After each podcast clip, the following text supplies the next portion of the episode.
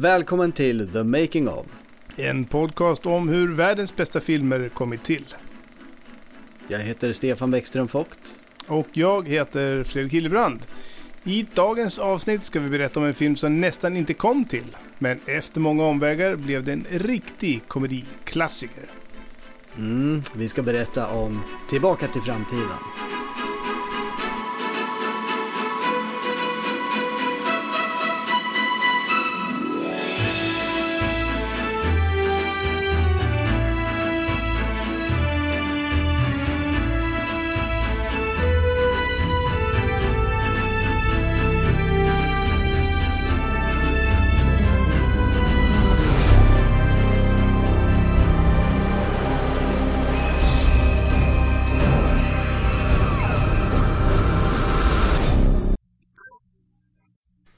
När jag såg om filmen nu så var det en scen som jag inte hade tänkt på alls och inte givit samma innebörd när jag sett den förut.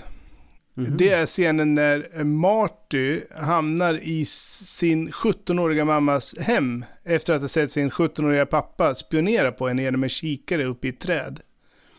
Mm. Marty gör ju här det förbjudna och går in och påverkar historien genom att eh, förhindra att pappan blir påkörd av en bil med den påföljd då att han själv blir eh, träffas av bilen och, och, och, och, plötsligt sitter han där uppe liksom hos sin mamma och får oönskad sexuell uppmärksamhet. Det är som ja. ödesbestämt liksom. Ja, ja. precis, precis. Och eh, alltså den scenen är ju så jäkla skruvad och obehaglig eftersom hon är ju så otroligt öppet flörtande. Alltså hon sitter där på sängkanten, alltså på sängen bredvid honom och, frå och frågar liksom, ja, första gången hon har sett uh, Purple Underwear, I never saw Purple Underwear before. och så tror hon att han heter Calvin Klein då, som det står på hans byxor, eller på hans eh, kall kallingar.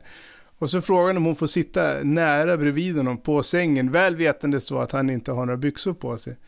Eh, och så kommer mamman, hennes mamma då upp i Eh, och, och de, eh, han tar på sig byxorna och de går ner och äter middag och sådär. Och då sitter hon ju och fortsätter och tokflörta med honom. Och det blir så, det, jag tycker det är så ansträngande att se för att det är en sån obehaglig scen. Liksom. Det är ju en jävla mardröm. alltså, ja. Att behöva uppleva något sånt där.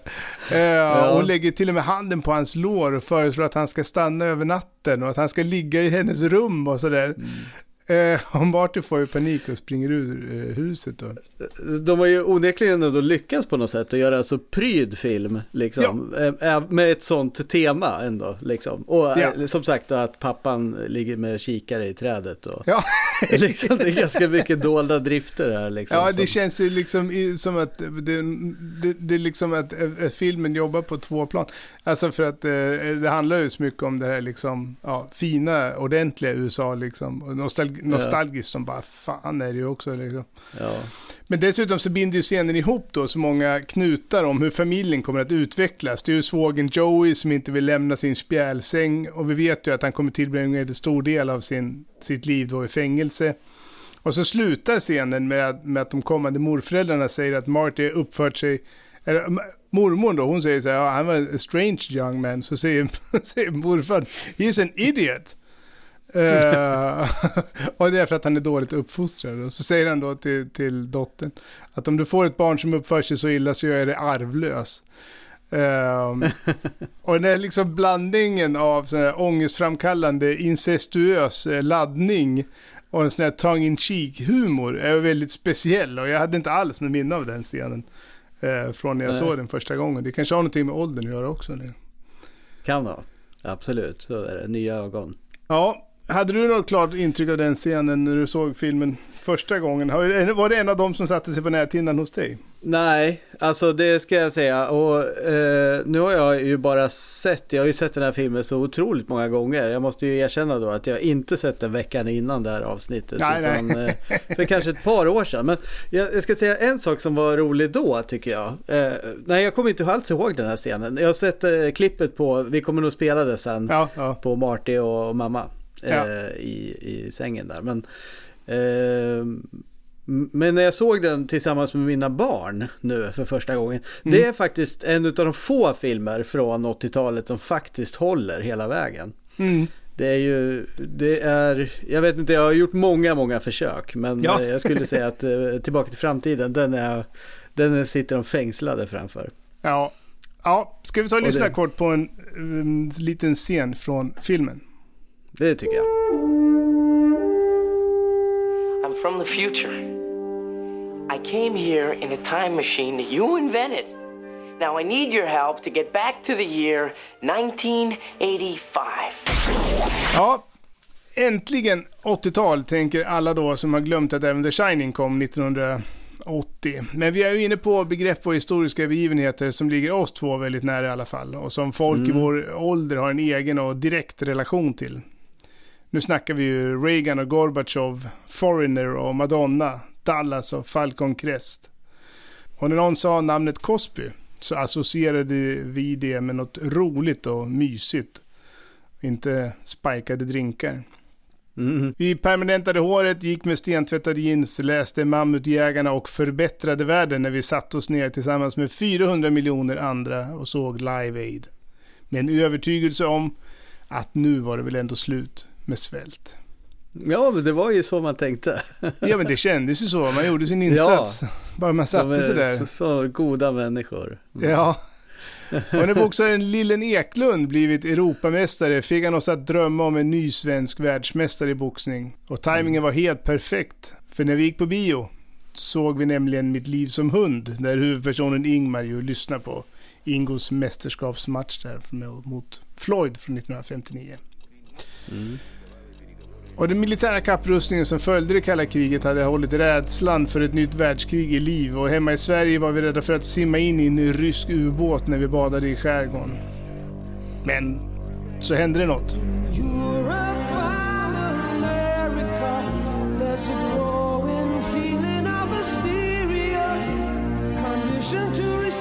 to all the threats and the rhetorical speeches of the soul. För kanske var det som Sting sjöng ändå, att ryssarna älskade sina barn också.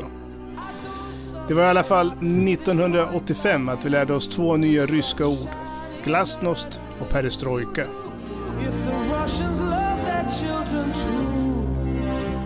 För nog kändes det väl som att vi var på väg mot något nytt. Att framtiden såg ljusare ut. Först fixade vi svälten och kanske kunde vi undvika tredje världskrig också. Kanske kunde vi ändå hoppas på att saker och ting skulle ordna sig ändå. Kanske var det så.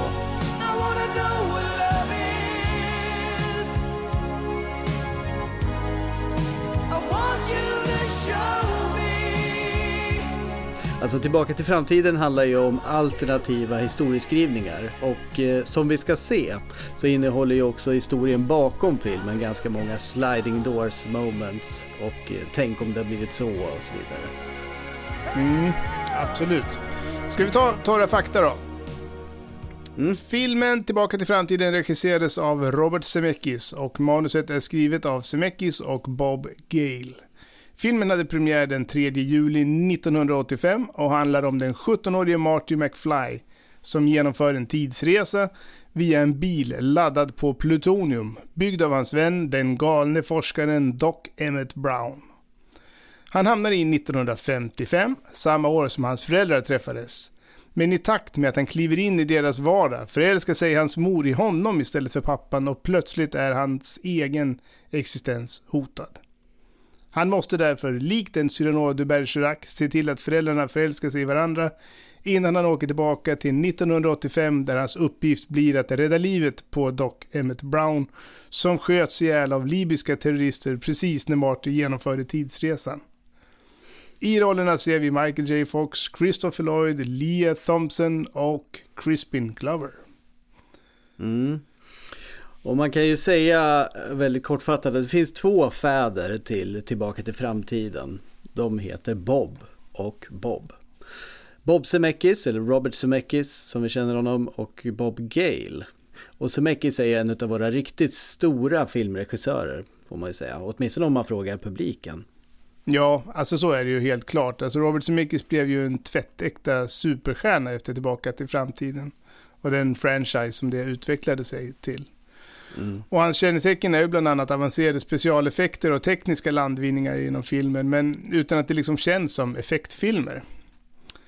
När han gjorde Vem satte dit Roger Rabbit var det första gången att man blandade animerad film med live action-film och riktiga skådespelare då, alltså utan att det såg helt hopplöst ut. Det hade gjorts väldigt många gånger innan, alltså redan på 40-talet och sådär tror jag. Men Zemeckis ridade liksom om kartan med den filmen. Och filmen vann ju också tre Oscar. Mm. Och hans största succé utöver då Tillbaka till framtiden är ju såklart Forrest Gump. Och den blev någon slags fenomen som drog in 670 miljoner dollar och vann sex Oscar. Och några år senare så var det dags för att jobba med Jodie Foster och Matthew McConaughey i, i rymdkontaktfilmen Kontakt.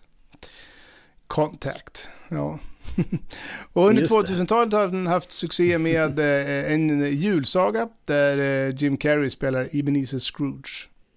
Och det här är ju verkligen bara telegramutgåvan. Men vad kan vi berätta om hans bakgrund? Mm. Hur blev han en sån där Hollywood superstar? Ja, Zemeckis föddes ju 1951 i Chicago. Samma stad som den 16 år äldre William Friedkin växte upp i. Och som vi även konstaterade i avsnittet om Exorcisten så var och är fortfarande Chicago väldigt långt ifrån Hollywood. Mm. Det är ju en ganska påver stad kulturmässigt, åtminstone var. Eh, med mycket lite som kunde inspirera en kulturtörstande tonåring. Jag ska kanske kommentera hans efternamn i förbigående här lite grann, alltså Semekis. För båda hans föräldrar var invandrare. Hans mamma Rosa kom från Italien och hans pappa Alfons kom från Litauen. Och det är alltså därifrån namnet Semekis kom. Mm. Robert då, kallad för Bob. Eh, han växte upp med tv, ja, precis som eh, Friedkin. Tittade massor på tv. Och i ett avsnitt av The Tonight Show så med Johnny Carson så fick han höra talas om en filmskola. Va? Finns det? var hans reaktion. Och i samma ögonblick så såg han sin framtid. För Semekis hade en 8 mm kamera som han brukade filma familjesammankomster med och så småningom så började han göra små korta spelfilmer med sina kompisar. Och han konstaterade att tv, som man hör så mycket dåligt och problematiserande om, räddade hans liv. så här långt så finns det ju som sagt många likheter mellan William Friedkin och Robert Zemeckis. Båda kom från Chicago, båda från invandrare, båda vi fick via filmen se att det fanns en värld bortom det här fattiga området där de växte upp. Men sen upphör likheterna. För medan Friedkin var en gatukille och började jobba på lokal-tv så sökte Semeckis eh, sig till en filmskola då, trots sina föräldrars omtänksamma invändningar. De såg det som att han levde en omöjlig dröm och han eh, slösade bort sin tid och de få chanser han hade med en bakgrund som hans. En pojke från Chicago kan aldrig bli filmregissör. Men Robert ville vidare ut i världen och han hade ett tydligt mål i sikte. För världen för honom var Hollywood. Han började på en lokal skola och under utbildningstiden så ansökte han om att få komma till University of Southern California i Los Angeles. Och han flyttade dit, vilket avståndsmässigt då var som ungefär från Stockholm till Madrid kan man säga.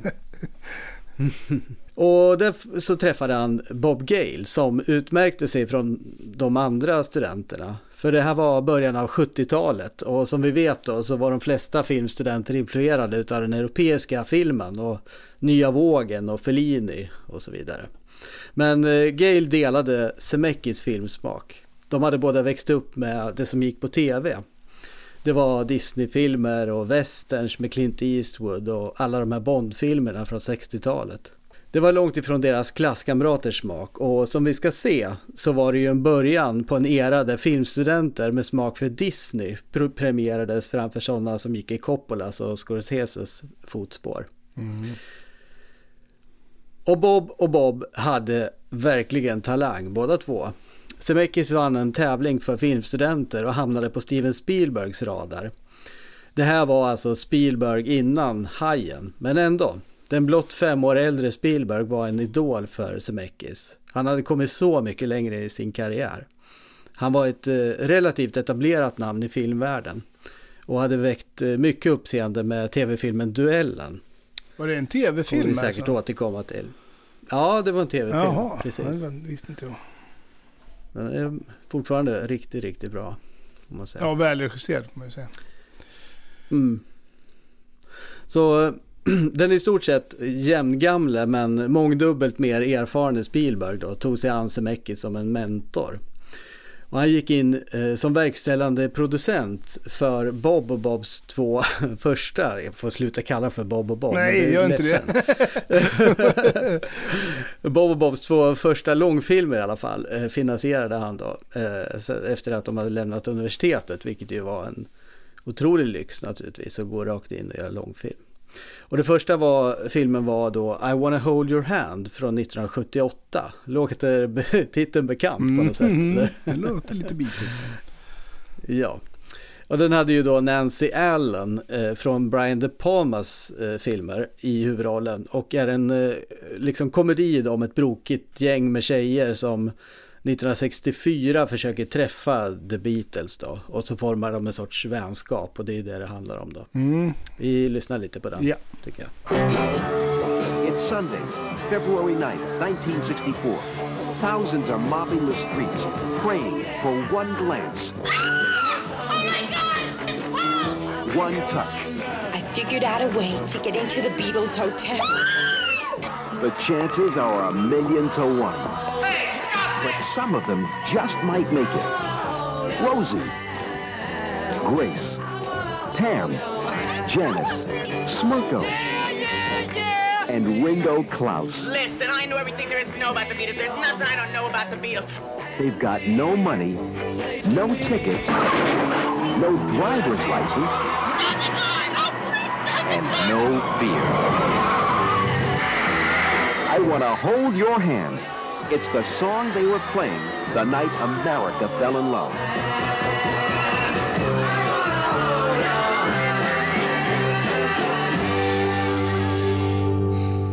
Mm, I wanna hold your hand då kom 1978 men den ser verkligen ut som en 80-talsfilm i pastellfärger och, och ja, den där sockersöta, lagom engagerande berättelsen Ja. som inte har jättehöga stakes. Helt ofarlig, ja. Det är mys. Ja, det är Ja. mys. Ja, eh, så gjorde du med en film till då efter eh, I wanna hold your hand och den eh, hette Used Cars och på svenska så eh, fick den namnet Bilskojarna förstås, allting skulle ju översättas. eh, och den gav faktiskt mer väsen av sig som film, ingen av dem gjorde väl jättemycket väsen av sig egentligen, men, men den här var ett steg framåt i alla fall. Och eh, den hade ju då en up and coming Kurt Russell i huvudrollen. Och det var en sorts svar på Nu blå- blåser vi snuten, men kanske lite mer av en svart komedi också. Taglinen på affischen var De gav järnet med världens risigaste åk i ett av filmhistoriens häftigaste race. Vad tror du om det? Ja. ja, vi kan väl lyssna lite på den trailern också då. Vi provar. A controversial new motion picture that dares to deal with a serious contemporary problem which every man, woman, and child must come to grips with at least once in their lifetime. make them like this anymore. Why don't you go ahead and sit inside? Go ahead. This new upholstery, only 27,000 miles, and we just gave the engine a complete overhaul yesterday. Go ahead, kick her over.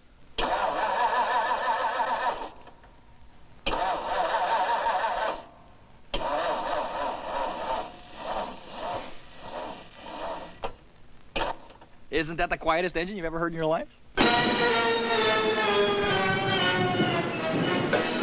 Used cars, rolling off the blocks this summer into a theater near you. Hey, Stan, trust me, huh? Happy motoring, Stan. Trust me. Trust me. Trust me. Trust me? Trust me. Trust me. hey, come on. Trust me.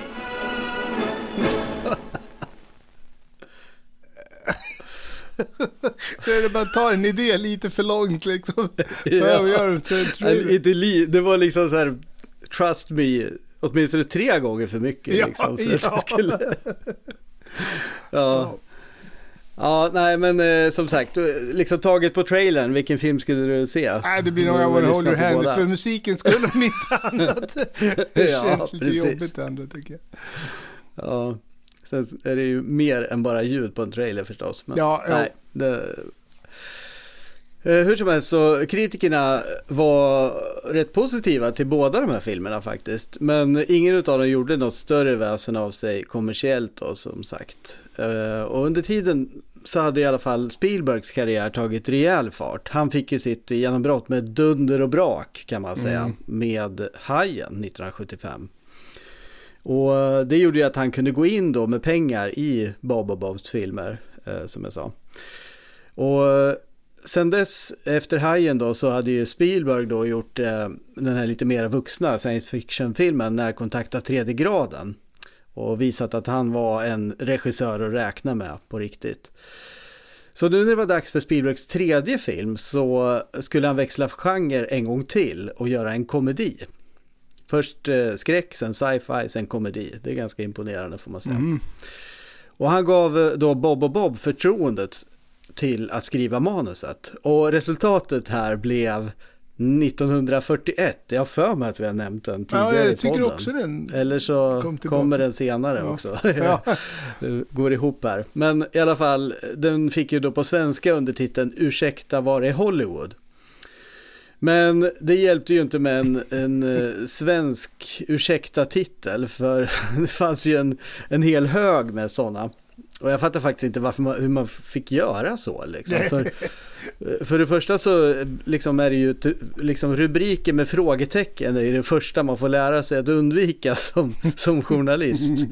Och eh, det gäller väl även titlar. Det finns inte väldigt många titlar med frågetecken i titeln. Liksom. Man behöver ge ett statement. Och så gick det ju liksom också inflation i titlar i Sverige på 80-talet. Det var, de var ju så väldigt generiska liksom. Det var ju antingen utan eller farlig eller dödlig som prefix liksom. Eh, och eh, trots att eh, liksom originaltiteln var ju oftast mycket mer fantasifull. Ja, visst. Visst är det så. Alltså det är märkligt. Och idag så är det ju otroligt känsligt också, ska man ju vara medveten om, att man, man får ju inte sammanblanda filmer med varann på det sättet som man gjorde då liksom. För att det, alltså exempelvis då, det går ju inte att hitta en Marvel-hjälte och en DC Comics-hjälte på samma bild liksom. Det, det är ju inte kosher. liksom. Eh, men på 80-talet så var det inga problem då, som sagt, att döpa filmer till Ursäkta var det klockan eller Ursäkta var det floden eller Ursäkta var det kriget. Trots att eh, filmerna inte hade det minsta med varandra att göra. Så det hjälpte ju inte i alla fall då att eh, 1941s svenska lansering hade en ursäkta-titel. Och inte heller hjälpte det att huvudrollsinnehavarna då spelades ju av Dan Aykroyd och John Belushi, alltså radarparet från Blues Brothers. Innan Blues Brothers ska man ju säga då. Och det var liksom en komedi som helt enkelt inte var rolig och då är det svårt. Ja, alltså det där med titlar är ju väldigt intressant. Framförallt svenska titlar under 80-talet. Eh, Och inte bara under 80-talet, men det, var, det känns på något vis som att det var värst. Liksom. Det var den absolu- absoluta liksom, piken av eh, avskyvärdhet på något sätt. Om vi ska gå Ja. lite längre, alltså just den där ursäkta klockan som du sa, den är ju ändå ganska liksom logisk. Den heter ju, det är ju eh, John Ja. Cleese-filmen Clockwise. Eh, men det är ju ändå lite konstigt, men i alla fall, det, är i alla fall lite relaterat. För om man då tittar på de andra, den som heter, eh, eller de andra, men om vi drar några andra då. An almost perfect affair. Fick den svenska titeln Ursäkta var är filmfestivalen? alltså, alltså det är en väldigt, jag blir väldigt nyfiken på det liksom. Varför en film om en filmfestival som heter en almost perfect En affair? almost perfect affair, det låter ju som något helt annat än, Ja, än en film. För, ja, ja. och sen ja. finns det förstås då ursäkta fel nummer, ursäkta var är tjuren, ursäkta är vi gifta, ursäkta var är arvet, ursäkta min dåliga franska, ursäkta är det här månen, ursäkta att jag finns, och den här godingen då, ursäkta var det mitt tefat, som ju kunde faktiskt varit titeln till E.T. Jag menar, det, det är ju ändå en Det- ja. 80-talsfilm. Så det måste varit någon slarvig distributör som valde att bara ta de där två bokstäverna där. Ja, och jag hade älskat att just IT skulle heta det. Ja, ursäkta Liksom. var det, Ursäkta var det mitt ursäkta var det min telefon, eller ursäkta var det min telefon. telefon. Ja. Men den äldsta ursäkta-titeln jag har hittat är också min personliga favorit. Den heter Ursäkta skynket. Eh, Och det är den svenska översättningen på Mm. Abbott och Costello-filmen Pardon My Sarong. Och det är inte Ah. utan att man blir lite nyfiken på vad det är. Det är ju redan från 1942, så det är möjligen alla eh, ursäkta-titlars själva urmoder. Och då, den är ju faktiskt Ja. ändå liksom direkt översatt. De andra är ju Ja. lite mer kreativa. Men var, Man, man tycker Pardon My uh, Sarong låter nästan som så här, uh, någon, någon fras. Liksom, nästan. Ja, jag är säker på att nu surround. utspelar sig i Frankrike och så är det någonting med att de pratar, blir något fel, eh, felspråk. Eller, ja, eh, det, jag vet inte. Det är inte så svårt. Men jag skulle också vilja att vi- liksom egentligen la mer energi på eh, i att eh, sätta frågetecken efter filmer. För att det, det vore ju Ja. väldigt, det vore ju väldigt roligt om, om eh, det blir lite så här som Ron Burgundy i Anchorman. Så han liksom, när han läser upp allting för, precis som det står. Som man säger liksom eh, tillbaka till framtiden.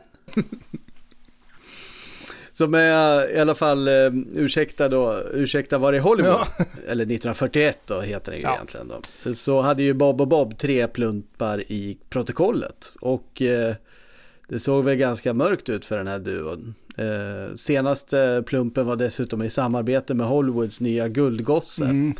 Så det kändes ju som att det här var deras fel, att de hade dragit ner Spielberg till deras nivå. Ja.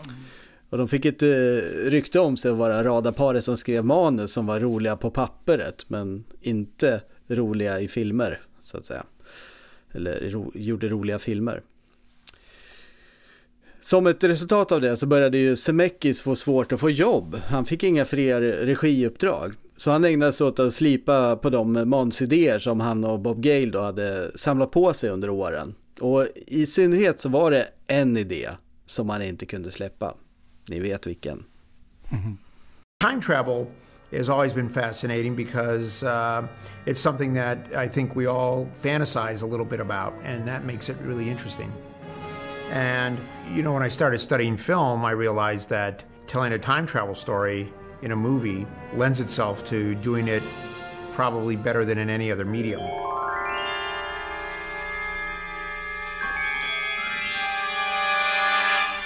Det är ju precis som Zemeckis säger att film ämnar sig väldigt väl för att göra tidsresor.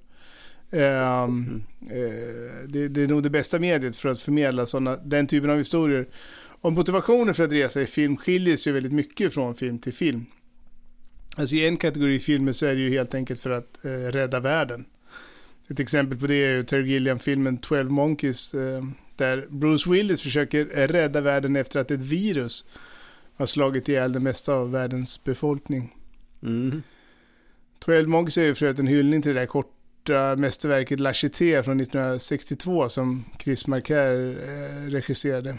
Är det världens bästa kortfilm eller? Ja, det, den aspirerar väl på det. Eller vill du säga Coffin Cigarettes? Ja, det, Coffee Cigarettes såg jag förra veckan senast. Jaha, åh fan. Helt sjukt. Ja. Random. Jag har inte sett den på 20 år, men ja. Nej, nej. Nej, den är ju den är ju fantastisk också. Ja. Eller Ja, den visst. första. Och sen så alla som följde. Ja, det finns många. Men eh, Ja. La Cité, mm. Ja, det är en väldigt stark film. Men hur som helst, när vi är inne på apor då, för övrigt 12 Monkeys, så kan vi ju, apornas planet, där restes, det blir också rest i tiden ju. Eh. Och i Terminator, där är det ju lite på samma sätt då. Där är det tidsresan som genomförs först av en cyborg för att döda mänskligheten. Men sen kommer det då en kontrasoldat för att rädda mänskligheten. Så att det som börjar som en destruktiv tidsresa slutar ju som en tidsresa för att rädda världen då. just det. Mm. Och så kan man ju säga alla filmer som Christopher Nolan uh, någonsin har gjort, alla, alla non-franchise-filmer i alla fall, handlar ju på sitt sätt om tid. Och i Tenet blir det ju rest både uppåt och neråt och åt sidan, jag säga, Ja. i tiden. Det är lite svårförklarat, eh, men, men tidsresan används i alla fall aktivt för att förhindra en katastrof. Men kan inte du förklara. Tenet? Bara sådär på, alltså Nej, på men jag 30 tänkte ge mig sekunder. på, ja, jag tar telegramutgåvan. Jag tar den och sen inte ställa direkt efter. Ja. ja, där är ju också tidsresan väldigt central då.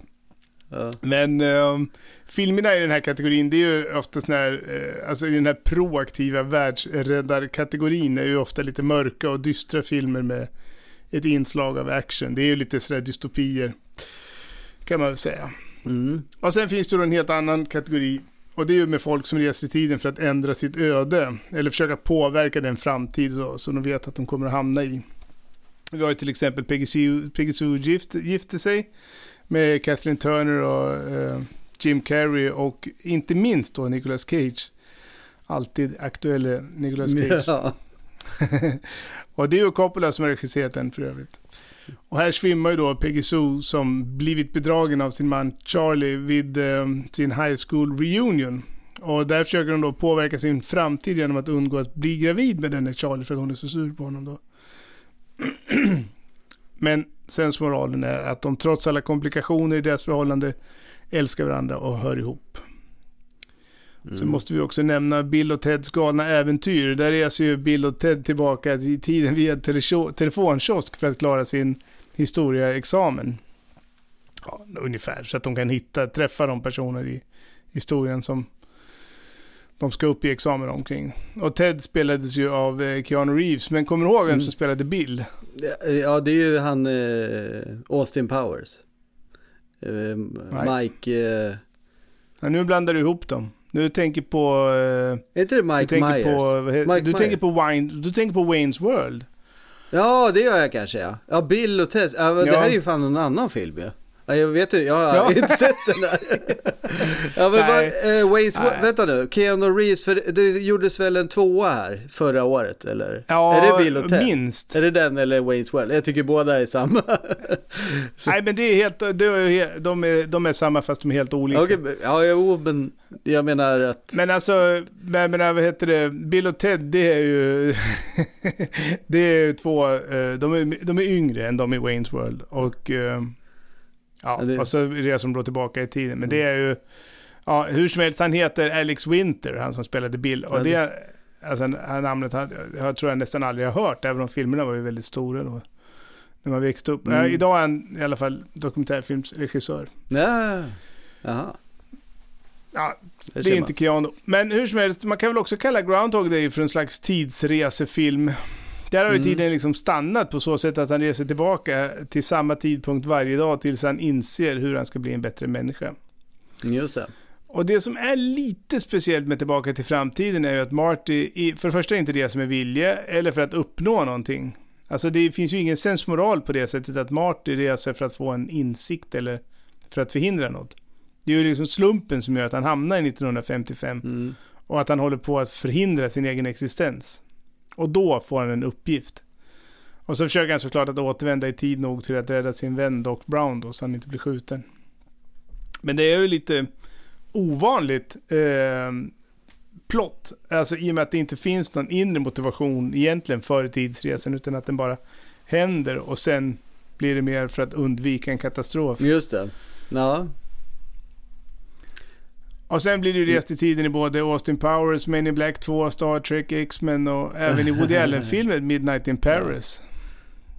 Ehm, och det är kanske inte så svårt att förstå varför det är ett attraktivt tema att ta sig an. Det ämnas ju väldigt väl både som motor i en dystopi och som sensmoral i en lätt komedi. Mm. Men om du skulle resa tillbaka då, vad skulle du göra? Skulle du vilja se dina föräldrar träffas? Nej... eh, t- se mina föräldrar träffas? Nej. Nej, jag vet inte. Det skulle inte jag göra. men- Nej, det är inte vad man skulle Nej men liksom det känns för, som att det, är väl deras. Ja. liksom. Ja. Nej, jag vet inte. Alltså det känns som en, eh, ja, träffa Jesus eller... Nej, jag tror inte det. Bit, ja. Nej, jag vet inte, vad har du? Det är väl liksom... Ja, jag skulle resa tillbaka till den där tiden jag satt eh, vid intervjun på filmskolan. Ah, Och så skulle jag säga The Shining igen. Just det. Ja, igen. Ja. Bara för att, ja. in your face. ja, jag skulle säga The Shining motherfucker skulle jag säga.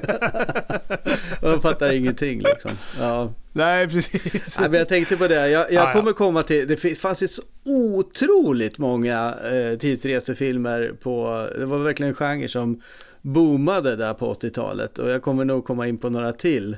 Men jag tänkte faktiskt på det, ja. för jag hade också den här uh, Peggy Sue-filmen. Det var ju en verklig mm. favorit tyckte jag när jag var i den åldern liksom.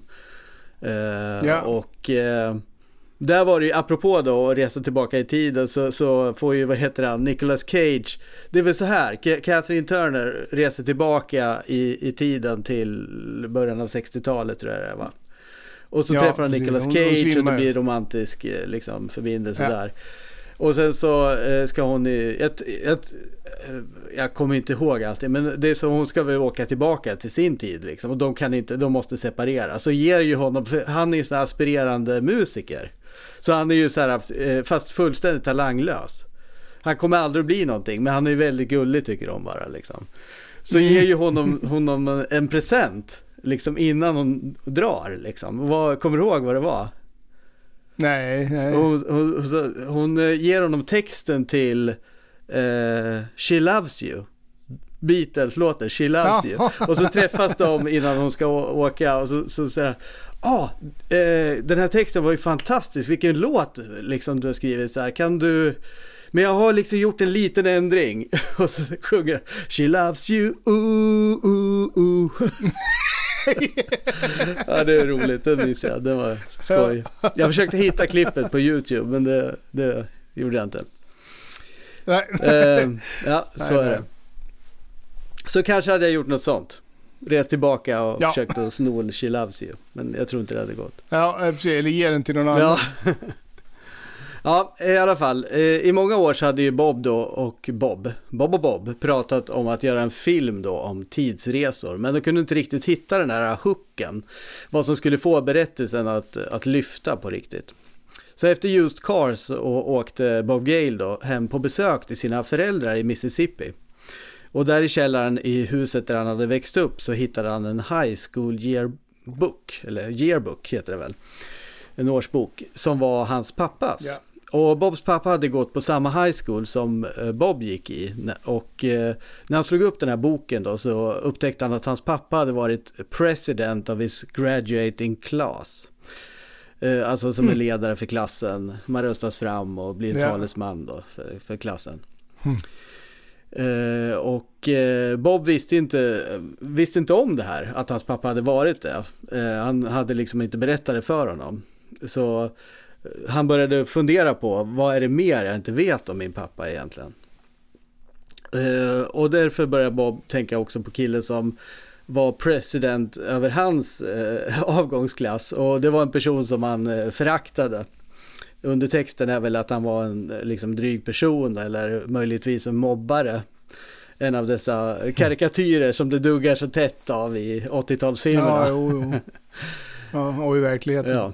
Uh, och så kom det liksom en tanke till följd av det då, om jag hade gått på high school med min pappa, skulle, han då ha varit, skulle jag då ha varit kompis med honom? Eller skulle jag ha avskytt honom rent av? Mm.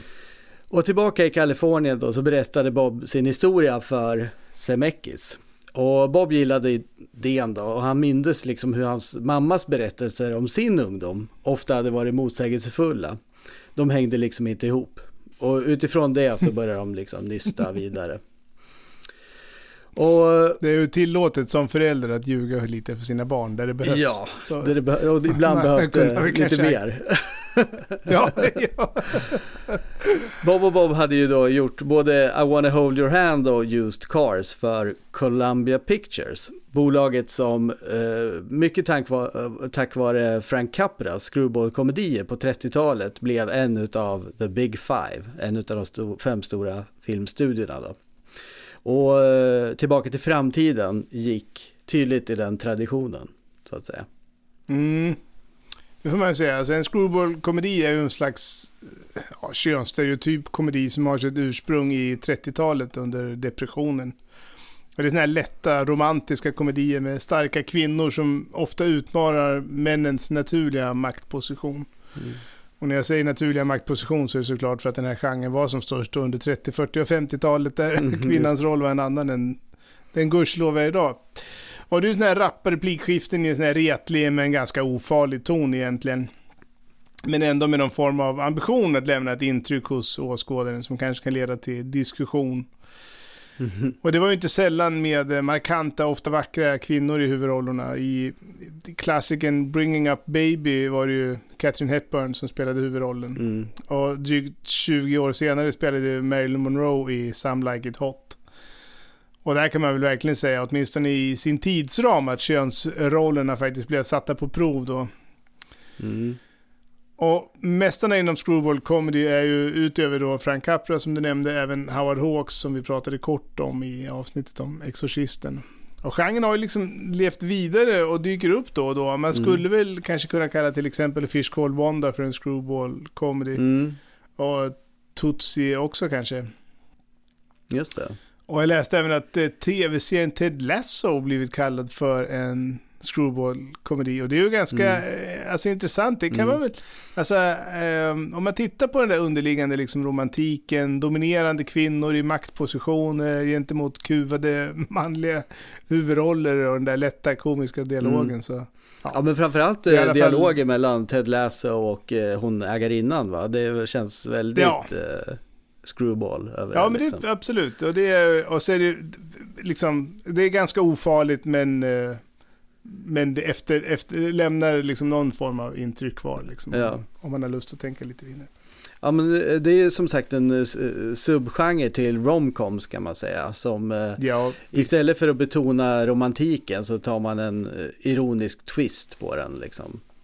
Och det är väl också därför de ofta är sevärda. Och Tillbaka till framtiden har ju ett drag av screwball i relationen då mellan Marty och hans eh, mamma och mycket annat också förstås. Liksom så. Men den vänder liksom på begreppen lite. Mm. Hittills hade Bob och Bobs filmer inte sålt så många biljetter, men eh, Frank Price då, som var Columbia Pictures eh, högsta höns, hade förtroende för dem.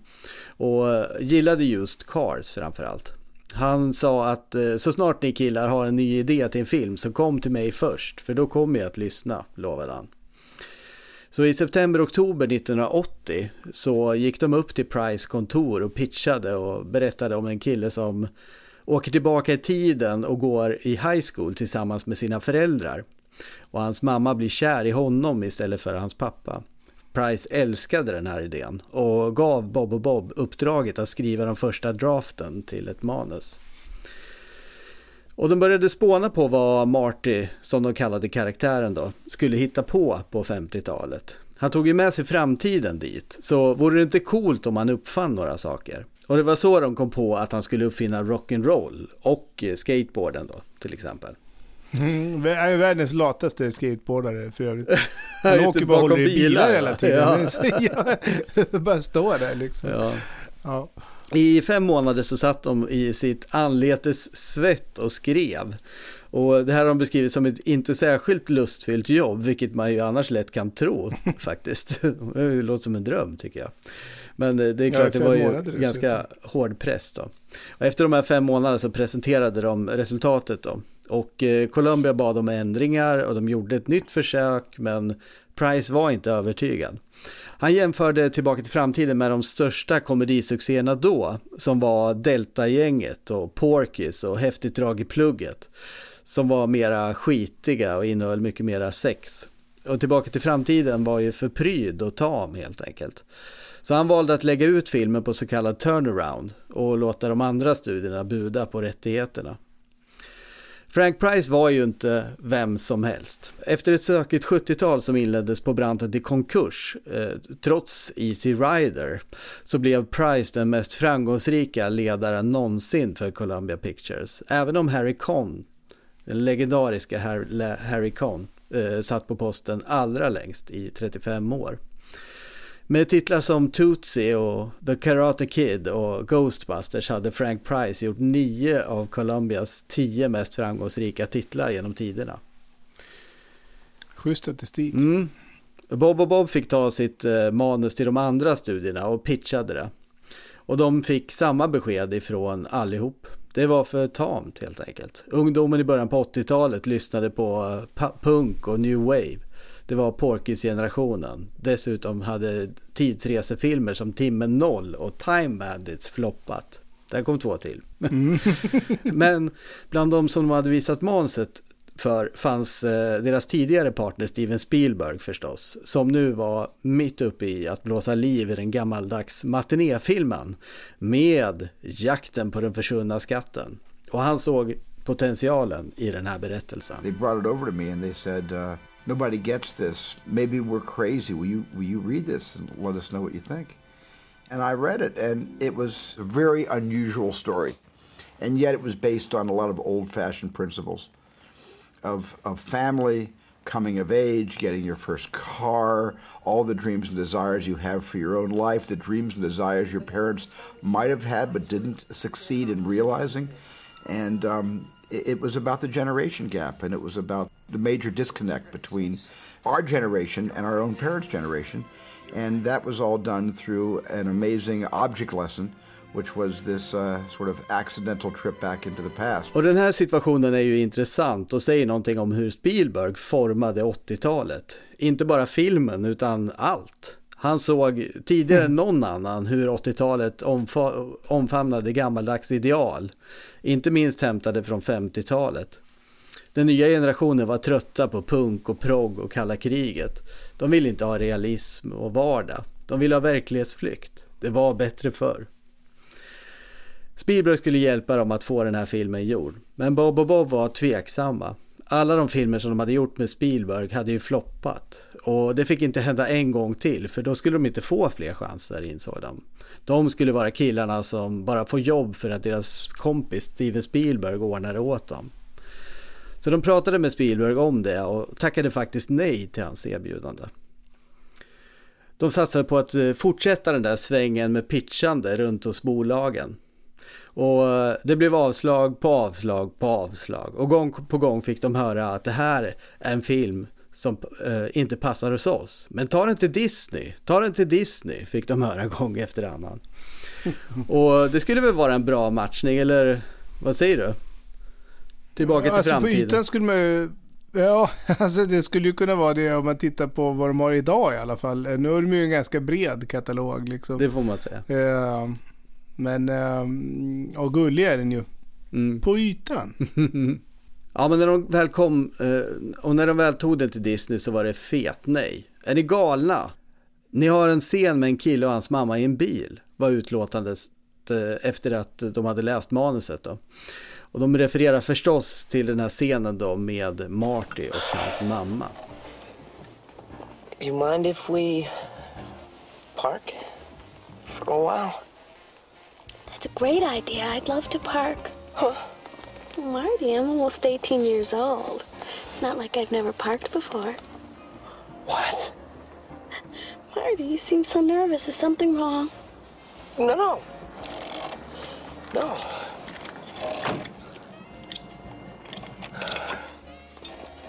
Lorraine, Lorraine, what are you doing? I swiped it from the old lady's liquor cabinet. Yeah, well, you shouldn't drink. Why not? Because you you might regret it later in life. Don't be such a square. Everybody who's anybody drinks.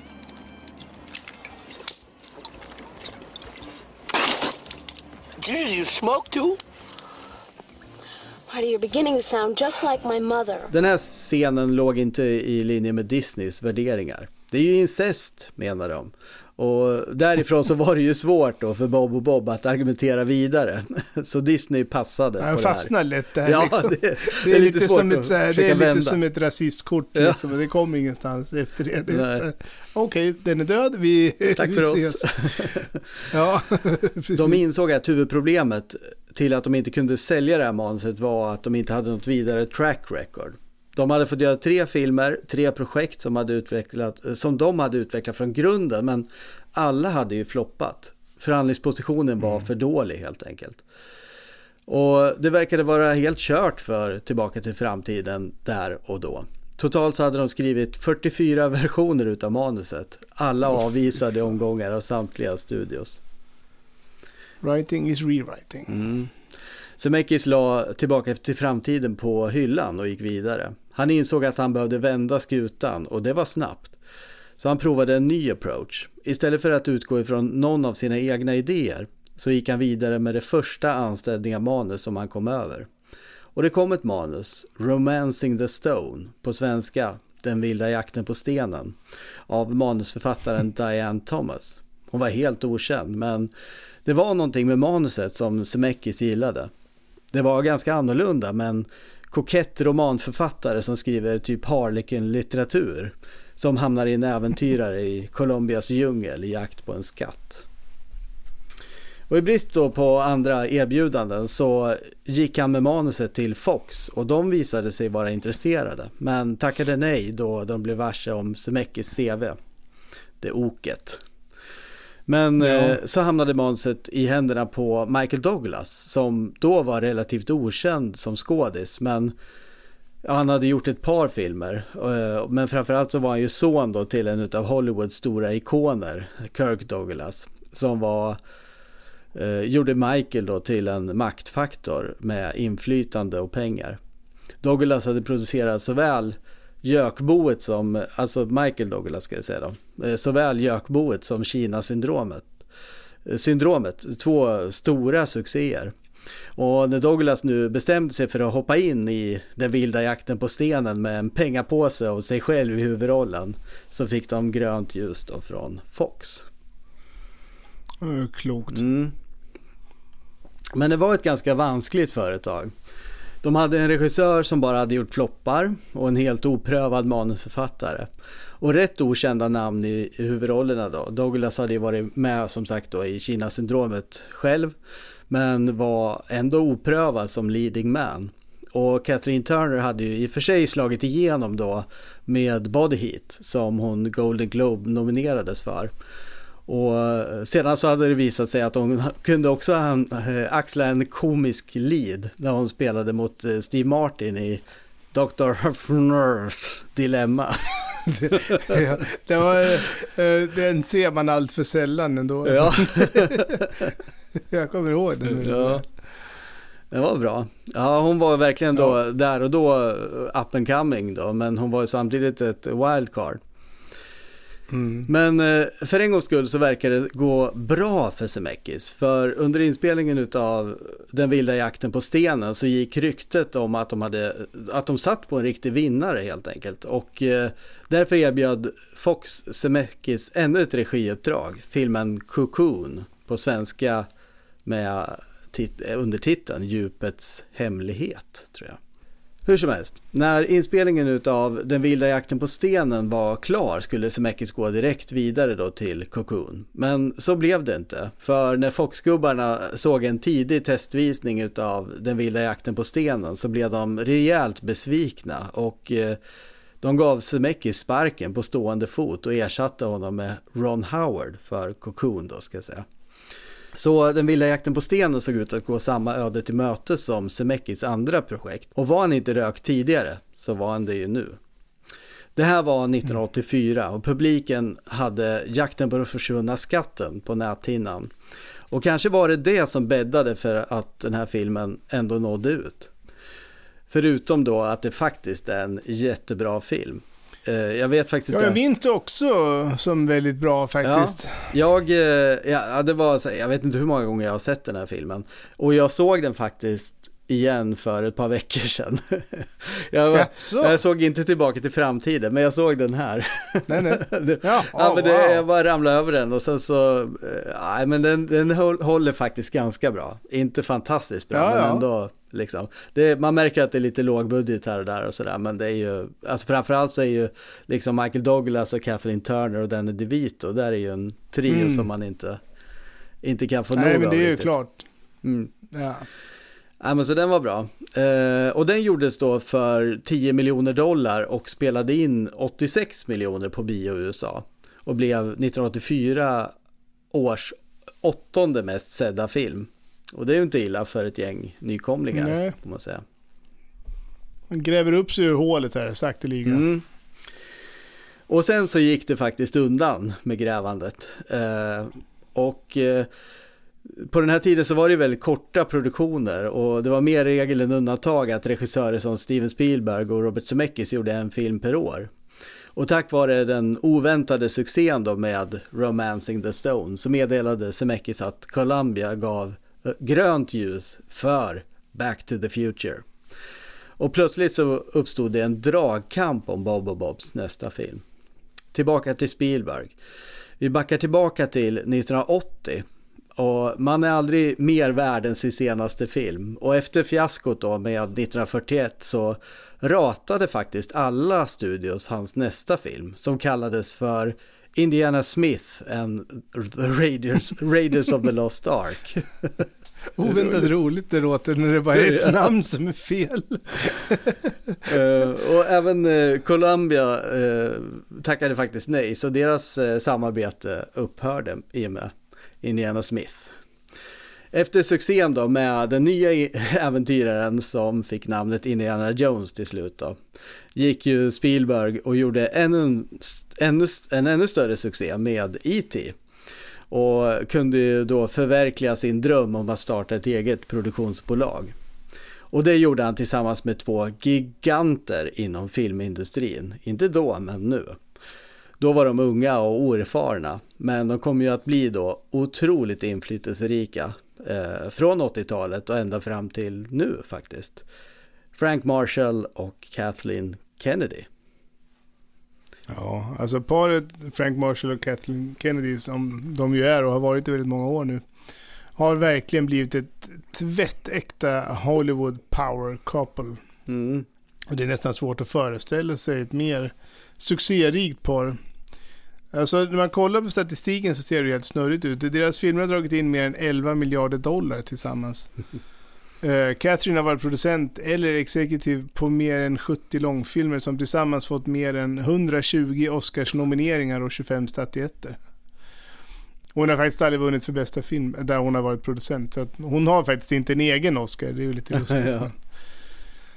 Idag jobbar hon som eh, styrelseordförande i Lucasfilm och det får väl också sägas vara en ganska maktfull position. Mm. Men eh, maken Frank Marshall, han är inte mycket sämre och de allra flesta filmerna som de har gjort har de gjort då tillsammans i eget bolag. Och om vi bara ska droppa lite titlar där så kan vi väl, eh, alltså ut, ut, utöver de som har varit tillsammans med Spielberg, för att det är väldigt många. Mm av, av hans filmer som de har varit inblandade i. Men de har bland annat då gjort Sjätte sinnet, Benjamin Button och inte minst eh, Born Identity. Och det som är intressant tycker jag med Born Identity det är ju att det blev ju såklart en egen franchise. Men det ändrade ju hela Bond-franchisen. Mm. För Bond var ju på dekis vid den här tiden. Alltså det kändes ju dammigt och förlegat och tråkigt och förutsägbart och så vidare. Eh, den där, när, vad heter det, när Born kom in med ett jävla blås eh, och eh, var smutsig och kändes realistisk och sådär. Och, och Bond gick en sån här kräsen elegantier i, i smoking som var, sa att alla hans drinkar skulle blandas på ett speciellt sätt och så vidare. Så kändes Born liksom lite mer så här, samtida på något ja. vis. Ja, ja. Körde parkour. Men Marshall och Kennedy mm. är otroligt framgångsrika. Utöver de rena framgångarna så är de också väldigt maktfulla genom sitt arbete då i alla sådana där eh, Oscarsakademin och Producers Guild och de andra där branschorgan branschorganisationerna. Mm. Och förmodligen är Kathleen Kennedy den mest inflytelserika och maktfulla kvinnan i, i filmbranschen idag. Ja. ja, men eh, alltså ett exempel till är ju liksom när när Disney efter uppköpet av Lucasfilm skulle eh, liksom utannonsera sina planer för de kommande årens, eh, kommande årens franchise utav Star Wars, då var det ju liksom hon som guidade oss genom kommande äventyren. Ja, ja, ja, ja. ja nej, men, men det, är ju, det är ju en jätteställning hon ja. har. Alltså, otrolig position. Det är kul också att vi kommer in på några framgångsrika vad heter det, kvinnor som eh, mm. Ja, för att det, eh, det blir ju väldigt mycket gubbar i de här avsnitten. Ja, så är det ju. Det, man får ta dem när de kommer, helt enkelt. Ja, ja, ja. Efter succén med E.T. då, 1984 så grundade Spielberg då bolaget Amblin Entertainment tillsammans med Marshall och Kennedy. Och i det här läget då när Bob och Bob hade en helt annan position och fick förfrågningar från alla håll så valde de att ta tillbaka till framtiden. Tillbaka till den här killen som hade trott på filmen från första början, alltså Steven Spielberg. Han skulle få första tjing. Och de frågade honom då om han fortfarande var intresserad av att göra Tillbaka till framtiden och visst var han det. Så det blev det första Amblin-projekt med Universal som Spielberg inte själv regisserade. Och under tiden då så lämnade Frank Price rollen som Head of Columbia och blev istället Head of Universal. Så han var återigen inblandad i Tillbaka till framtiden. Men Spielberg gillade inte Price för han hade tackat nej till E.T. Så han ville att Price skulle hålla sig borta från Tillbaka till framtiden. Men Price gjorde en helt avgörande sak för Tillbaka till framtiden i alla fall. För rättigheterna var fortfarande i Columbias ägo. Men Columbia ville göra en pastisch på Billy Wilders noir-klassiker Double Indemnity, vilket Universal ägde rättigheterna till. Så de gjorde helt enkelt ett byte av rättigheter. Och till slut så skulle Tillbaka till framtiden bli en film hos Universal Pictures och Amblin Entertainment. Mm. Och det verkade då som att Spielberg fick som han ville vad det gäller Price inblandning. För han blandade sig inte in några detaljer i det här projektet. Istället så fick de med sig en annan kostymnisse, Sidney Sheinberg. juristen som sägs ha upptäckt Steven Spielberg. Eh, och i en ledande position då på Universal så såg han 1968 Spielbergs första egna kortfilm vid namn Amblin. Därav bolagets namn då förstås. Och signade honom för ett sjuårskontrakt, vilket vi kommer att återkomma till i ett senare avsnitt. Det är också roligt att det var ett sjuårskontrakt, det låter som en fotbollsspelare liksom. Eller någonting. Ja, ja. Det var inte sju ja, filmer inte antal eller filmer utan, nej, nej, det är sjuårskontrakt liksom. Jag sitter och rullar tummarna. Ja, jag var skadad en säsong liksom, jag gick bort. Det blev bara fem film. Men även om eh, Scheinberg då hade många goda egenskaper då, så hade han inte riktigt koll på vilka, vilka hans goda egenskaper faktiskt var. Så Spielberg, Bob och Bob fick eh, med sig då en jurist in i de kreativa besluten, vilket ju är problematiskt då, därför att Scheinberg hade ju också makt att fatta avgörande beslut för det här projektet. Och efter att ha läst manuset då så hade Scheinberg ett par invändningar. Så han kallade in Bob och Bob till sitt kontor. Och de satte sig på besöksstolarna med onda aningar då. Så tog Scheinberg till orda. Han tyckte att Dr. Emmett Brown var för långt och otympligt. Scheinberg föreslog Doc istället för Doktor. Var det det? Det var ju en bra synpunkt, om inte en, det var kanske inte omvälvande men ändå. Så Bob och Bob gratulerade till den här skarpsinniga iakttagelsen och pustade ut. Och de skrattade lite lättat på vägen ut från kontoret och sa What's up Doc? What's up what's up Doc? What's up Doc? What's up Doc? Och några timmar senare så fick de ett memo. Scheinberg hade kommit på en sak till. Det var någonting med titeln. Han gillar den inte. Back to the future. Vad betyder det ens? Vad då tillbaka till framtiden? Publiken kommer bli förvirrad. Det kanske är en av de bästa titlarna någonsin. Den sammanfattar ja. ju liksom hela, hela konceptet. Det är mångtydig och kittlande och ja, väldigt bra. Men eh, okej, okay, smaken är olika. Scheinberg måste ju tas på allvar då. Men han kunde väl ha lämnat det kreativa teamet med det inspelet kan man ju tycka. Ja. Kort och gott, Scheinberg tyckte att filmen skulle heta Spaceman from Pluto. Perfekt, det är klockrent. Ja. Och eh, en svensk eh, ursäkta-titel på det? Ursäkta, jag är från framtiden eller? Ja. ursäkta, var är framtiden? ja, ursäkta, var är framtiden? Ursäkta, har du något plutonium? För jag kan inte komma tillbaka. Ja, ja, men problematiken med Scheinberg då var ju tydlig förstås. Hur skulle Bob och Bob kunna förhålla sig till det här liksom? Spaceman from Pluto. Så Bob och Bob frågade ju då förstås eh, sin eh, mentor Spielberg. Och eh, eh, Spielberg hade ju jobbat då med Scheinberg i 15 år, ända sedan innan Hajen då. Eh, och eh, visste att man skulle hålla honom kort. Så han skickade ett memo tillbaka till Scheinberg som löd Hej Sid, tack för ditt otroligt roliga memo. Vi fick oss ett rejält skratt. Fortsätt att skicka in dem, det uppskattas. Vilket självförtroende. Men, och med det så satte ju då Spielberg för såklart punkt då för vidare diskussioner. ja. för Scheinberg må ha varit mäktig, men han tyckte att det var genant förstås då att medge att hans förslag var seriöst menat. Ja, den är svår att komma tillbaka på. Mm. Vi ska komma in på castingen här och den viktigaste mm. rollen att besätta var ju självklart rollen som Marty McFly. Och vi vet ju alla förstås vad Marty är för en karaktär. Men eh, där och då så var det ju inte särskilt givet. Som sagt, i början på 80-talet så var ju humorn lite tuffare. Mer anspelningar på sex och hjälten var också ganska designad för det. Det skulle vara en bad boy helt enkelt. Och det var precis året 1984 eh, då man tillsatte rollen som Marty. Som det riktiga genombrottet kom för den utpräglade 80-talsfilmen som nästan uteslutande var riktad mot en ung publik. Topplistan bestod av Ghostbusters, Indiana Jones, De fördömdas tempel och Gremlins, Karate Kid, Polisskolan.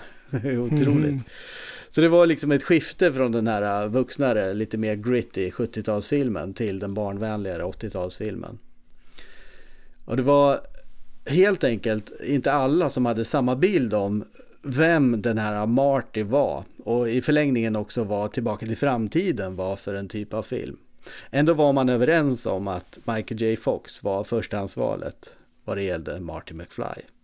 Ja, alltså det var han ju verkligen. Men det var han inte i tv-serien Fem i familjen som var den serie som han gjorde då och som var anledningen till att Zemeckis hade förälskat sig så i Fox. För anledningen till att han fick den rollen som Alex i Fem i familjen, eller Family Ties som det heter på engelska, det var ja. att Matthew Broderick inte hade tid. Så det är ju lite lustigt, han var, det var annars han som skulle ha den. Men mm. det var mm. faktiskt meningen också att den serien liksom framförallt skulle handla om föräldrarna. Skaparnas tagline var Cool Parents, Square Kids. Men när de okay. såg hur Fox hanterade karaktären så hamnade liksom fokus på barnen istället. Då. Och ja. serien blev omåttligt populär. Alltså hade en tittarshare på, eller tittarandel på 30%. Ja. Och har du en share på 30% i USA, då blir det inte mycket större. Jag tror Super Bowl har typ så 50% eller ja. Ja, kanske 70%. Men jag menar, det är, det är väldigt, väldigt, väldigt sällan som en serie har sån share. Liksom. Så Fox, alltså Michael J då, var verkligen household. Serien mm. var på tv i USA mellan 82 och 89. Det låter ju lite som att de eh, bara hade två kanaler där på 80-talet i USA. ja. ja. då kan man få 30 procent. Ja, ja, det, var, det är ju otroligt imponerande. Han vann ju också då eh, mot slutet av, av eh, den här seriens, eh, liksom, han vann ju alltså Emmy då 86, 87 och 88. Eh, och sen så vann han Golden Globe för 1989 eh, då, Michael J Fox. Oj, så det var ganska bra track record får man säga. En sweep Jag tänkte, ville också reflektera över det här. Alla var ju inte med då, vissa av oss var det. Eh, men det var ju också väldigt mycket snackis om det här att alla såg så unga ut liksom. Alltså Michael J Fox, eh, Ralph mm. Macchio var ju också liksom Karate ja, Kid där. Liksom. Han, han var, kunde ju göra tonårsroller när han var över 30 liksom. Ja, ja. Det är roligt. Och, och, Michael J Fox var ju, alltså han, han var 24 år när han gjorde den där rollen, så han var inte i alla fall purung. Han skulle spela en 17-åring, var... så att det, det, var ju ändå liksom, det, det är ganska, sju år är ganska mycket när man är... I den åldern ja. Ja, ja. precis. Mm. Ja, Bob Zemeckis och folket omkring honom då var övertygade om att Fox var deras Marty. Men de fick ju beskedet att han inte var tillgänglig. Han var ju då uppbunden till eh, Family Ties då som vi pratade om. Och de försökte hitta lösningar. Michael ville ju ha den här rollen och man tittade ju på om det gick att bryta kontraktet eller liksom förhandla på något sätt men det var omöjligt. I själva verket så var Michael J Fox inte bara uppbunden till Family Ties. För vid sidan utav eh, den här serien då så var han också i Pasadena och spelade in Teen Wolf. Alltså 80-talsversionen, långfilmen, alltså föregångaren till den tv-serie som ju var så populär här på 2010-talet om man har tonårs, eh, framförallt tonårsdöttrar skulle jag säga, Ja. som klistrade vid den här serien. Och eh, Fox hade ju på sig all den där makeupen då som krävdes för att vara en varulv. Eh, alltså en massa gummi och hår förstås. Och så tittade han över gatan och såg att det var, där så var det ju liksom rollbesättningsteamet för Tillbaka till framtiden.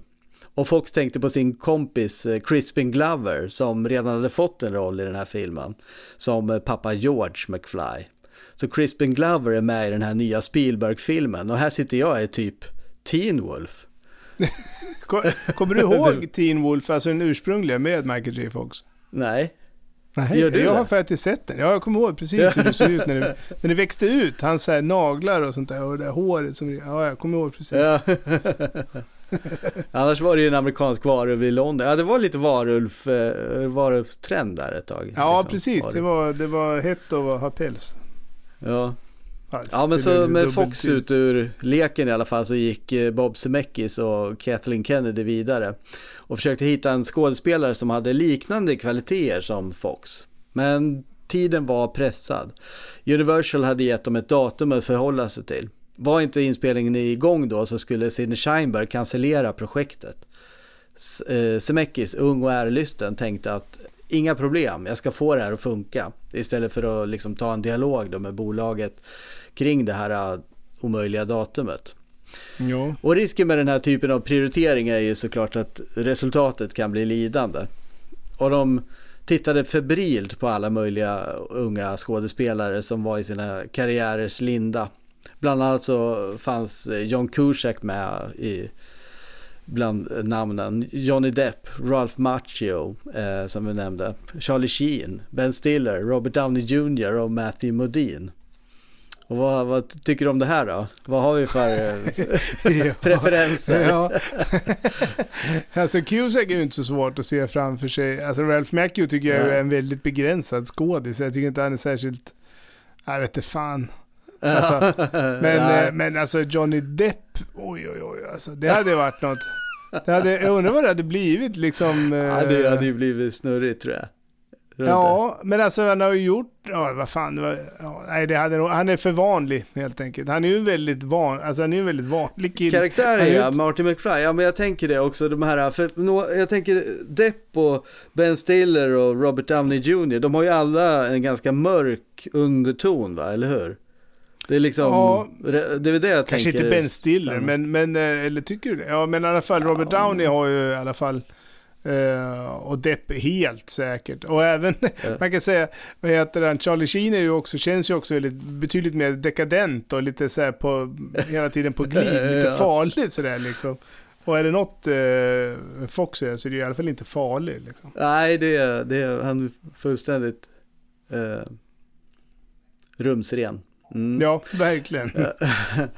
Ja men det är precis som du säger, alltså det kommer ju tillbaka till vem den här karaktären är. Och det fanns Ja. liksom två läger, eller massa olika smaker i alla fall. Liksom. Skulle han kunna vara en helylle snubbe eller så kunde han ha lite liksom mera mörkare komplex eh, liksom, underton. Så att säga.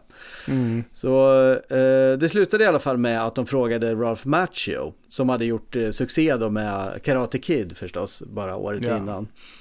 Och eh, det är ju kanske han som är, jag vet inte, men som är mest lik Fox i uttrycket liksom. De, de var ju samma Jo, men det, ja, härad det kan jag absolut liksom. hålla med om. Det, Ja, Men jag kan också mycket, hålla med dig om mycket att mindre de, karismatisk. liksom.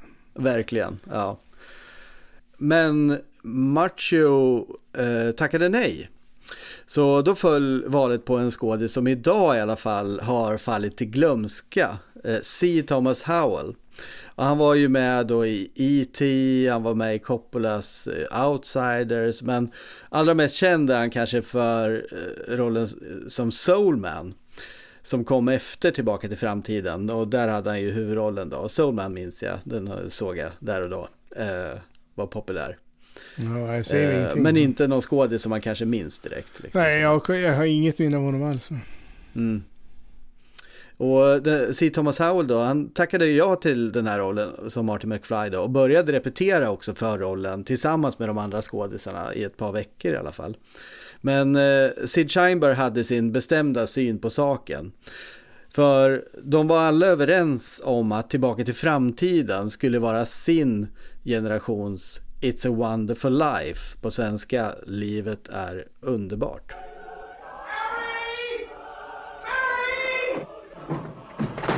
Mary! Well, hello, Mr. Bank Examiner. Mr. Bailey, there's a deficit. I know, $8,000. George, I've got a little paper. I'll bet it's a warrant for my arrest. Isn't it wonderful? I'm going to jail. Merry Christmas. Reporters are... wh- Where's Mary?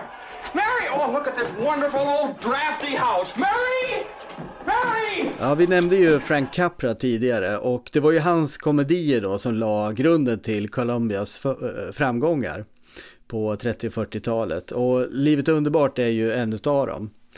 Och jag kan ju se parallellerna här för Capra porträtterade ju liksom den här idylliska småstaden och karaktärerna Ja. där liksom. Och det var ju väldigt mycket feel good och det var ju liksom hans, hans verkligen koncept liksom. Och det som fortfarande är ganska tilltalande med de här filmerna.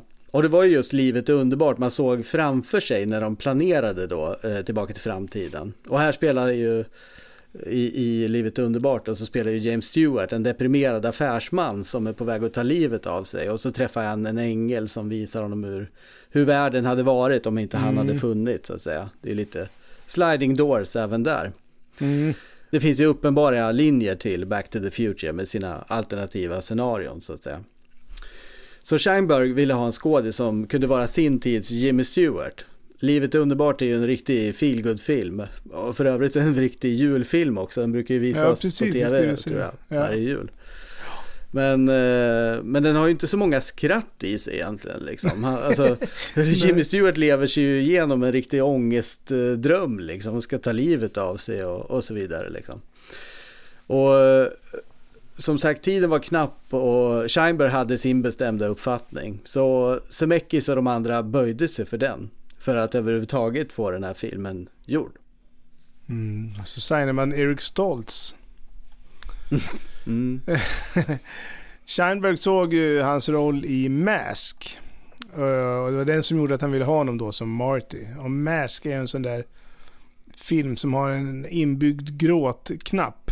Eh, Just en typiskt prisvinnande Hollywoodfilm med en rörande historia med en ung man som har någon form av jag vet inte om det är någon form av... Det, det, det är lite som Elefantmannen fast i färg och, och lite mer eh, ofarlig liksom. Han har någon form av huvudskada. Vad, är det, Ja. vad är det han spelar där? Är det han, Han som spelar, spelar, själva? han, Ja, det är precis. Det är han som spelar den där unge, unge mannen som har den här skadan. Ah, mm. Uh, man ser ju inte... Därför om du har sett filmen så kan du inte se att det är Erik Stoltz så väl. Kan man säga. Eh, Men han hade ju hållit på ganska länge faktiskt. Redan, han var ju bara 24 år när de gjorde Mask, men eh, redan innan dess hade han ju hållit på ett ganska bra tag. Han var för, först och främst teaterskådespelare. Han fick tidigt roller både i film och tv-serier. en riktig talang helt enkelt, som gjort precis som sina idoler och studerat hos Stella Adler som vi har pratat lite Mm. om i eh, olika avsnitt. Så han var såklart ambitiös och satsade nog allt på att bli en sån riktig karaktärsskådespelare. Och det stora Mm. genombrottet var ju såklart i Mask, men han hade ju också varit med i Fast Times at Richmond High, eller vad var det nu kallar den?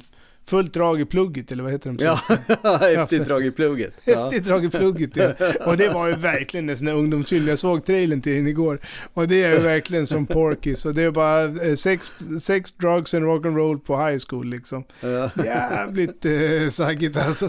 Så, men kanske var det den slags liksom, edge som eh, de letade efter. Och som skulle ge rollen liksom någonting, någonting större. Jag vet Något inte. extra. Ja. Ja, precis.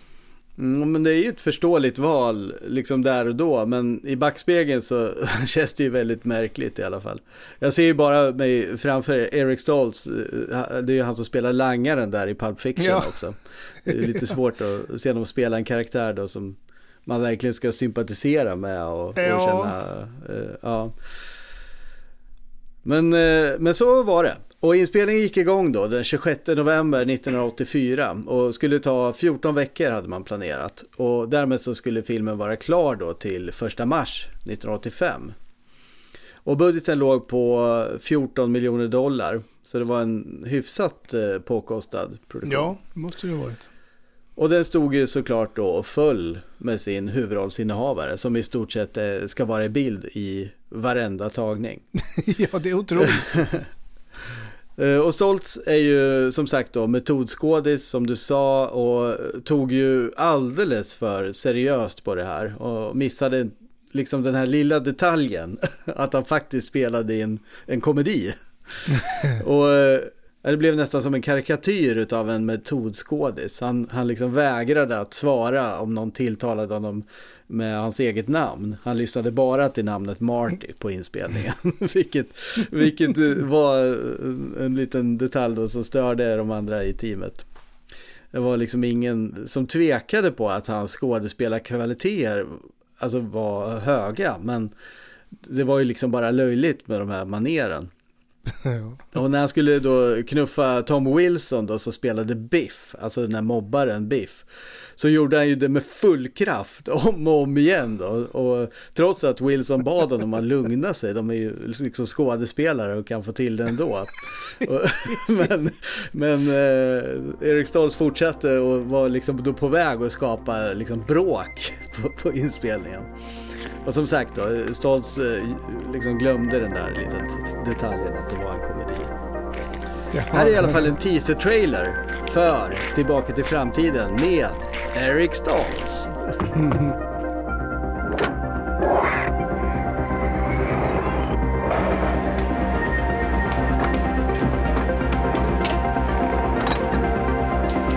Ja, man får ju direkt eh, Top Gun-vibbar. Här är det liksom en hank som kommer in, slow motion, motljus, in i en mörk hangar, gåendes med t-shirt, eh, med jackan i handen längs en räls. Han sparkar på däcken.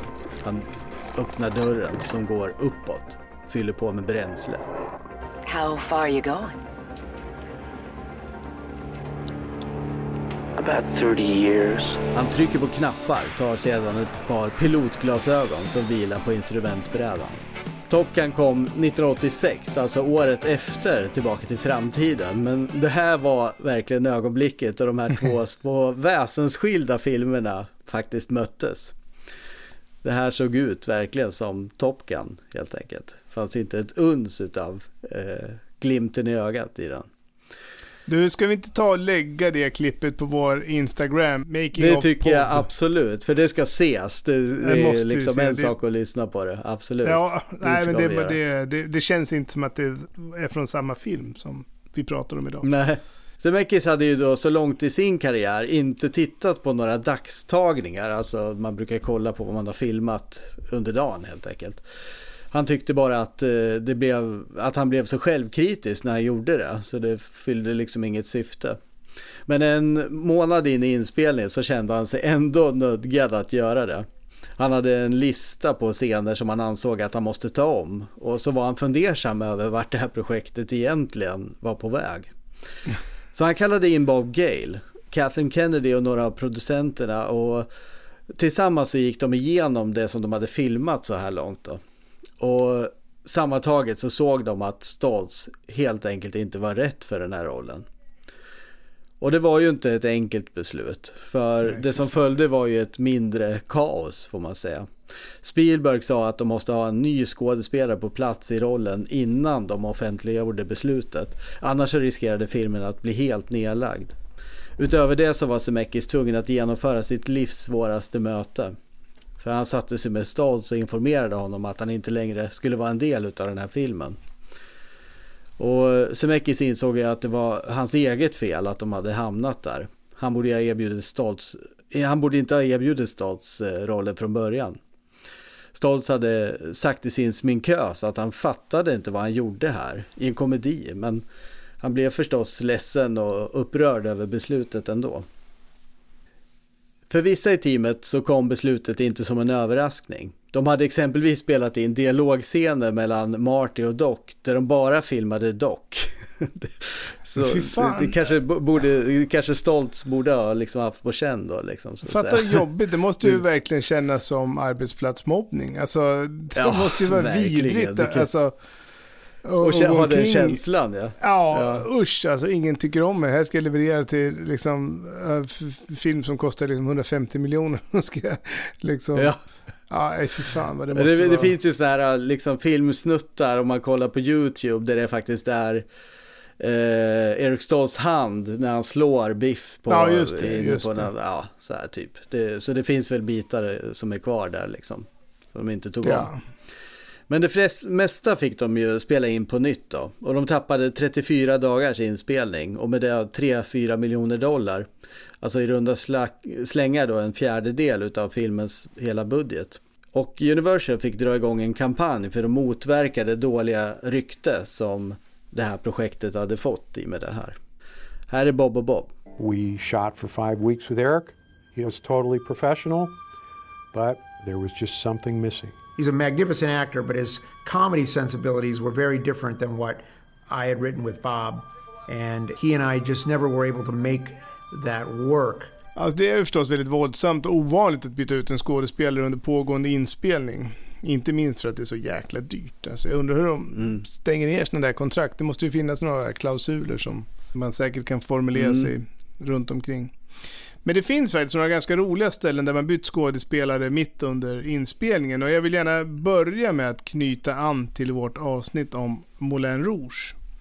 Om Mm. ni kommer ihåg det där så blev ju Nicole Kidman skadad under inspelningen. Och det gjorde att hon under inspelningen av sin nästa film då, David Finchers Panic Room, fick hoppa av helt enkelt. För att det var för krävande scener i den. Och eh, filmen färdiggjordes sen med Jodie Foster i huvudrollen istället.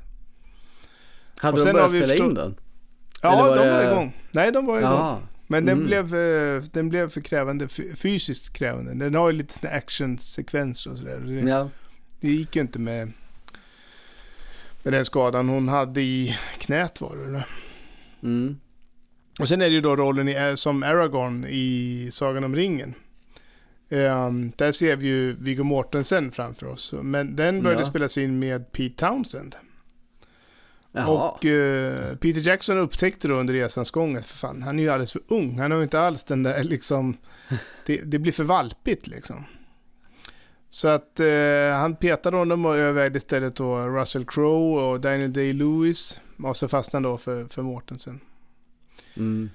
Och eh, med Martin Sheen finns det två roliga historier. För att hans roll i The, The Departed var under flera veckors inspelning inte hans. Men Jared McSorleys roll.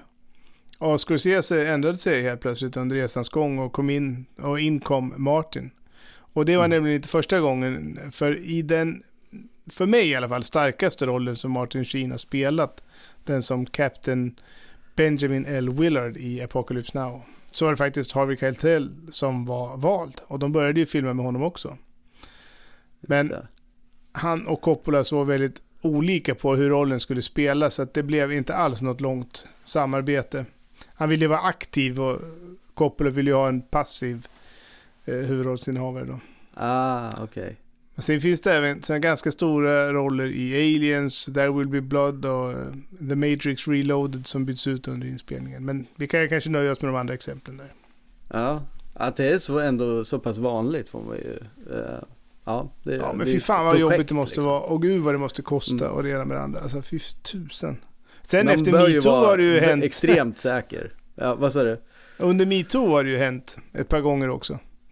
Ja, Eh, De tog ju bort, eh, men det har ju liksom varit oftast efter att filmen nästan har varit helt klar och så har man ju känt sig tvungen att pilla bort Kevin Spacey till exempel. ja, Så vidare. ja. Så att, Mm. eh, ja. Ja, hur som helst så var de ju tvungna nu att hitta en ny Marty innan de kunde gå ut med nyheten då. Och eh, då kom de ju förstås eh, tillbaka till Michael J. Fox. De tog ett nytt samtal då med Gary Goldberg om eh, Family Ties. Och eh, de hade ju nu stärkt sina argument för hur viktig de ansåg att Michael J. Fox var för deras eh, film. Titta, eh, vi har sparkat huvudrollsinnehavaren och slängt bort fem veckors inspelning bara för att vi inte har Michael J Fox, sa de. Och eh, med det så, eh, som fond då, så fick de till en överenskommelse om att Michael skulle få spela in Tillbaka till framtiden parallellt med Family Ties, eller Femi-familjen. då. Goldberg kommer för visningen. Kom ihåg, Family Ties kommer först. Även om de hade slipat på sina argument så måste, de, måste man även säga att han, de hade även liksom gett honom ammunition till en ganska bra löneförhandling. Okej, om ni har slängt bort fem veckors filmande för att ni vill ha mig, då kommer det här kosta knappar gubbar. Ja, verkligen. Och, och möjligtvis så, så, fick eh, Gary Goldberg också sin eh, del av kakan. Annars kunde han väl bara säga nej, antar jag. Liksom. Ja, förmodligen är det väl så. ja. Och det här var ju då julen 1984 och, och eh, Goldberg kallade Michael då till sitt kontor. Där han räckte över manuset till Tillbaka till framtiden. Som en julklapp. Läs det, sa han. Eh, vill du göra det här så har du min välsignelse. Och det var det bästa manus Michael J. Fox någonsin hade läst. Och det var väl ingen dålig julklapp Nej, får man säga. det är snyggt. Och sen gick det undan. Inom loppet av två veckor så hade de sparkat Stoltz, signat Fox och så var de tillbaka på inspelningsplatsen. Mm.